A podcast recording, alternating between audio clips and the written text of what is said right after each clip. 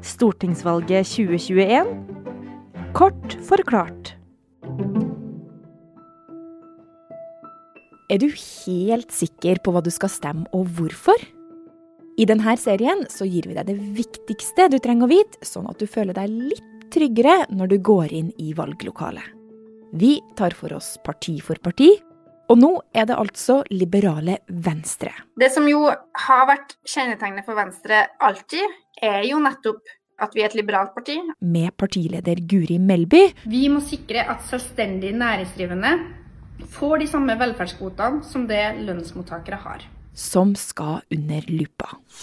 Hvorfor ikke bare starte med Napoleon for en gangs skyld? Jo, vi gjør det.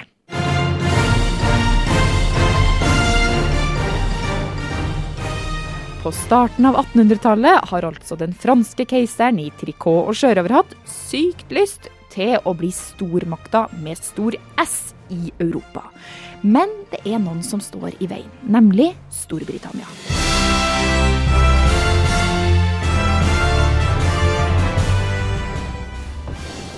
Så da måtte selvfølgelig avgjøres med en blodig krig, og den tapte Napoleon.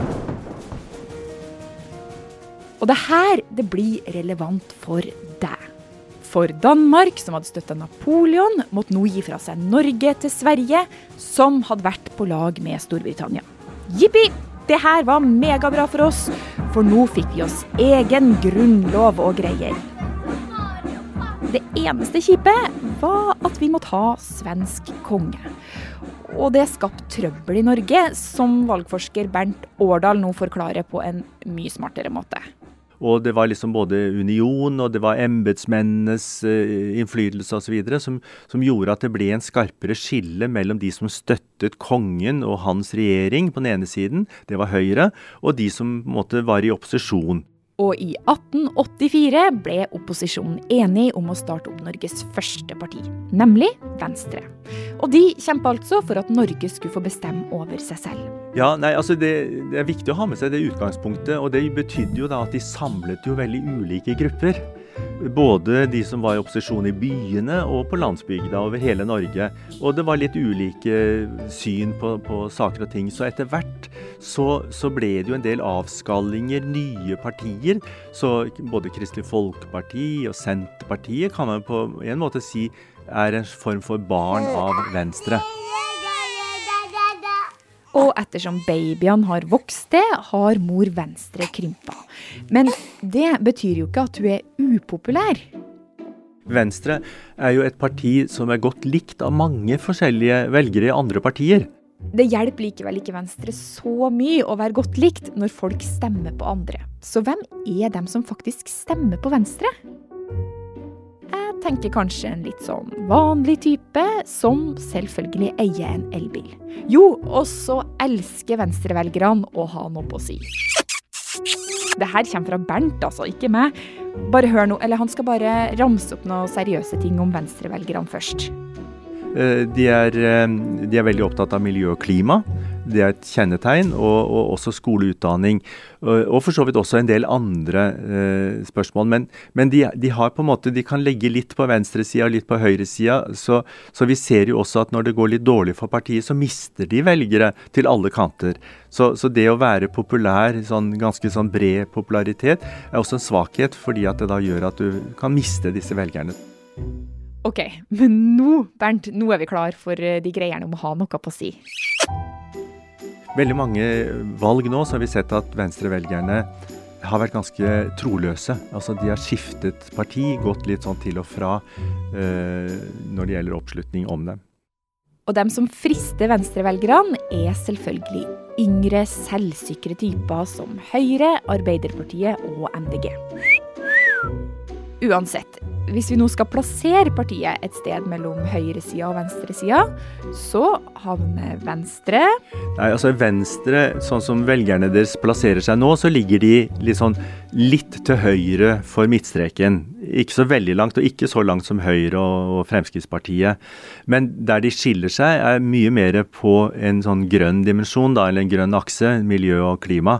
Der skiller de seg fra alle de andre partiene på høyresiden, at de er mye mer opptatt av det og mye mer positive til, til tiltak for å gjøre noe med klimaet.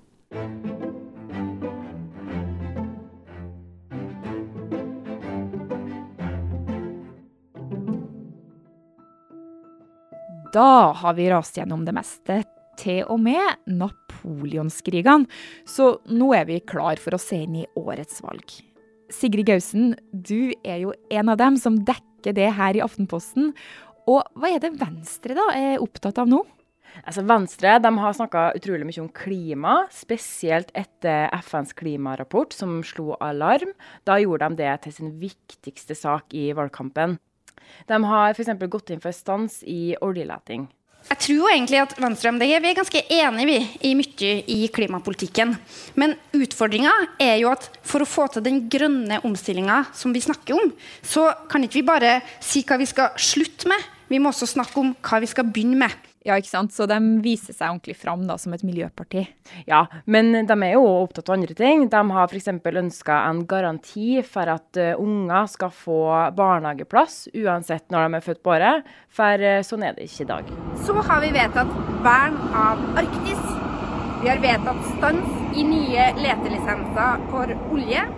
Vi har vedtatt å øke studielånet for studenter. Men uh, Venstre har òg opptrådt litt som Oslo og byenes beskytter i debatter med Senterpartiet, som er sjøl opptatt av distrikter. Og Venstre-leder Guri Melby har sagt at hvis eh, Senterpartiet kommer til makta, så kommer det til å bli norgeshistoriens mest byfiendtlige regjering. Og på meningsmålingene så ligger jo Venstre, som flere andre partier nå, rundt sperregrensa på 4 um, Og kommer de over den, så kan de få inn ekstra folk på Stortinget. Så um, Sigrid, da regner jeg jo nesten med at det det valget handler om for dem nå, da? Ja.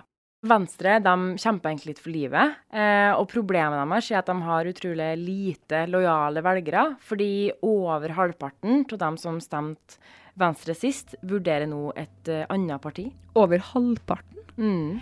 Men uh, det her høres jo ikke akkurat uh, veldig lovende ut. Nei, men de jobber jo kjølig hardt eh, for å komme, komme, seg over og få en periode til på Stortinget. Og hvis det blir borgerlig flertall, så er de klar for å gå inn i regjering med KrF og Høyre. Så det viktigste for dem er egentlig bare å komme over denne sperregrensa.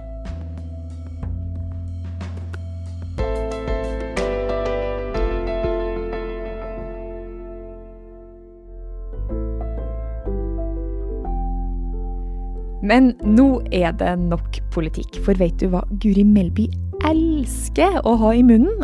En joint? Nei, det har hun aldri prøvd. Det er noe litt mindre spennende enn det. Det er sånn yoghurt med kokossmak. Altså, Hun er faktisk så glad i det at hun sendte en mail til Tine Meierier for å få dem til å selge egne firepakker bare med kokosyoghurt. Stortingsvalget kort forklart, det er laga av Fride Nesten Onsdag med Marit Eriksdatter Gjelland og Guri Leiel Skedsmo. I neste valgepisode så tar vi turen til et annet parti som smykker seg med grønn logo, men som er en bitter fiende av Venstre i politikken. Jeg er glad i kaffe. Kaffe latte også? Kaffe med mjølk er bra, det. Men, men, men jeg er mest glad i svart kaffe.